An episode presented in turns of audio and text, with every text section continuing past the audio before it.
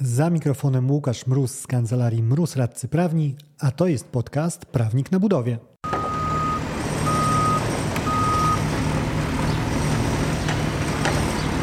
Czy ogłoszenie upadłości generalnego wykonawcy sprawia, że podwykonawcy mogą z automatu zwrócić się o solidarną zapłatę do inwestora?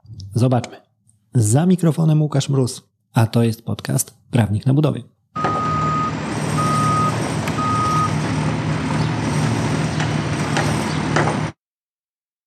Przy chwiejnej kondycji finansowej branży budowlanej firmy coraz częściej muszą skierować swoje zainteresowanie w obszar związany ze słowami takimi jak niewypłacalność, syndyk czy masa upadłości. Smutna rzeczywistość jest taka, że jeżeli generalny wykonawca doda do oznaczenia swojej firmy dopisek w upadłości, podwykonawca na 99% nie zobaczy od niego zapłaty za zrealizowane roboty.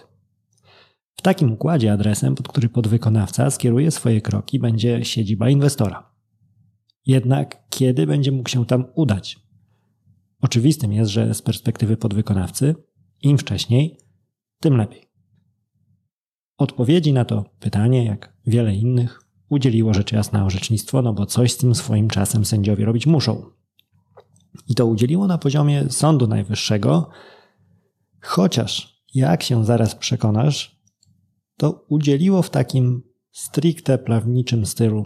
To zależy, a może nawet mówiąc bardziej konkretniej, w takim stylu salta orzeczniczego. Po kolei.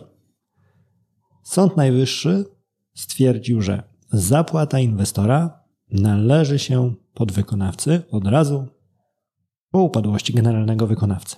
Stwierdził to w 2019 roku, dając podwykonawcom powód do uśmiechu. Wydał wtedy Sąd Najwyższy wyrok, w którym stwierdził, że podwykonawcy mogą ustawić się w kolejce po pieniądze do inwestora już z momentem ogłoszenia upadłości generalnego wykonawcy. Odwołał się przy tym do prawa upadłościowego, konkretniej do jego artykułu 91, wskazując, że wierzytelności wobec takiego generalnego wykonawcy, któremu zdarzyło się upaść, stają się wymagalne z chwilą, kiedy została ogłoszona właśnie ta upadłość. A skoro faktury podwykonawcy wymagalne są już wobec generalnego wykonawcy, to także inwestor jest już odpowiedzialny za ich zapłatę. I teraz zróbmy skok dwa lata wstecz, do września 2021, bo wtedy właśnie w nowszym już wyroku Sąd Najwyższy zrobił te orzecznicze salto i zdystansował się wyraźnie od tego poglądu sprzed dwóch lat, wskazując, że no, jednak brak jest podstaw prawnych do przyjęcia, że ponieważ inwestor jest gwarantem zapłaty wynagrodzenia podwykonawcy, to upadłość generalnego wykonawcy powoduje, że na CITO także inwestor ma obowiązek płacić.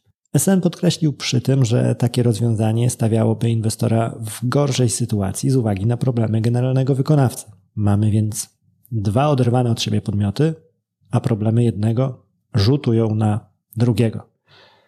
Sąd podparł to przepisami przewidującymi, że działania i zaniechania jednego z dłużników solidarnych nie mogą szkodzić współdłużnikom.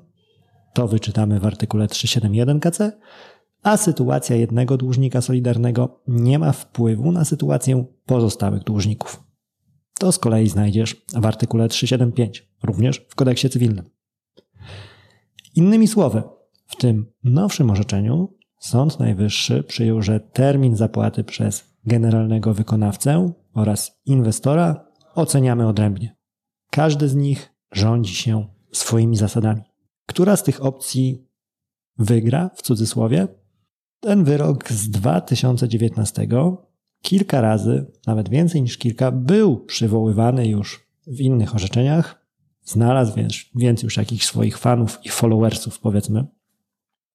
Ten z 2021 jest świeży, więc trudno jeszcze e, spodziewać się, że gdzieś tam się przebił na sale sądowe do e, gabinetów sędziów, którzy zajmują się rozpoznawaniem spraw budowlanych, więc za wcześnie jeszcze, żeby zobaczyć, jak się przyjmie.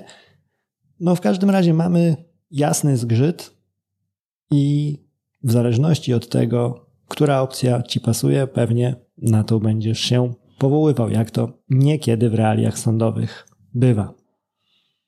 taki ciekawy wątek co do tego samego problemu, bo może się wydawać tak intuicyjnie, że te drugie rozstrzygnięcie Sądu Najwyższego jest niekorzystne dla podwykonawcy. No bo przecież na swoje pieniądze poczekać dłużej musi. Ale w tej konkretnej sprawie, którą rozpoznawał Sąd Najwyższy, tak na dobrą sprawę to zrobił dobrze podwykonawcy, pisząc to, co w wyroku napisał, czyli przyjmując, że wymagalności tak od startu wobec inwestora nie ma, nie ma takiego automatu, upadłość generalnego, tudzież łamane przez wykonawcy, równa się odpowiedzialność inwestora. I dlaczego to jest dobre dla podwykonawcy? Czy może raczej dlaczego było dobre w tej konkretnej sprawie?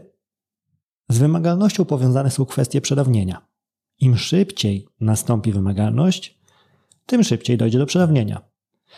W tym konkretnym sporze jednym z argumentów przedstawianych przez inwestora dla obrony swoich praw było właśnie przedawnienie kwoty, kwoty, o którą wystąpił do niego podwykonawca. Inwestor wskazywał, że skoro już z momentem ogłoszenia upadłości generalnego wykonawcy, także on, czyli inwestor, stał się zobowiązany do zapłaty, to termin przedawnienia roszczenia podwykonawcy minął już, kiedy złożył on pozew o zapłatę. Sąd Najwyższy, kwestionując ten pogląd o starcie wymagalności wobec inwestora przez sam fakt ogłoszenia upadłości generalnego wykonawcy, de facto wskazał, że skoro wymagalność wobec każdego z tych podmiotów oceniamy odrębnie, to to samo dotyczy też przedawnienia. Czyli może dojść do sytuacji, że jak najbardziej inwestor nie wykpi się przedawnieniem. Tak było właśnie w tym przypadku, ponieważ stwierdził Sąd Najwyższy, że przedawnienie nie mogło nastąpić, skoro nie było tego automatycznego rozpoczęcia wymagalności już z momentem upadłości generalnego wykonawcy, a biorąc tylko pod uwagę sytuację inwestora, to jego własna odpowiedzialność przedawnieniu jeszcze nie uległa. No, decyzja dość istotna kwotowa, bo zaważyła na tym, że podwykonawca, tak jak przyznały mu to sądy pierwszej i drugiej instancji, zachował w swojej kieszeni, czy ma uzyskać od inwestora do swojej kieszeni bagatela 575 tysięcy złotych, o które wystąpił pozwem. Na tym przykładzie, na kanwie tej sprawy, no finalizując, bo dobrze jest zakończyć nagranie jakimś wnioskiem, dam nawet dwa. Po pierwsze, no w sądach woltyżerka taka orzecznicza, argumentacyjna zdarza się często. Tutaj pod Twoją rozwagę podam, na ile znaczenie miało, że ten mniejszy, ten słabszy, ten nasz biedny, chroniony wiecznie podwykonawca przy takiej układance argumentacji nagle był chroniony i dostał te swoje niemal 600 tysięcy. A po drugie, tak jak mówiłem, para wniosków na koniec nastąpi. Rozstrzygnięcie, które na pierwszy rzut oka może być dla strony niekorzystne, czy z boku patrząc, czytając je w oderwaniu jako, jako jakiś fragment, może wydawać się niekorzystne z perspektywy strony, tak na dobrą sprawę może mieć wszyte w siebie takie zakamuflowane, lekko pozytywne rozstrzygnięcia. Dzięki za odsłuchanie tego odcinka. Jeżeli chcesz się ze mną skontaktować, możesz napisać na biuro małpa albo zadzwonić na 577 665 077. Znajdziesz mnie też w mediach społecznościowych. Na LinkedIn jako Łukasz Mróz, a na TikToku, Facebooku i Instagramie jako Prawnik na Budowie.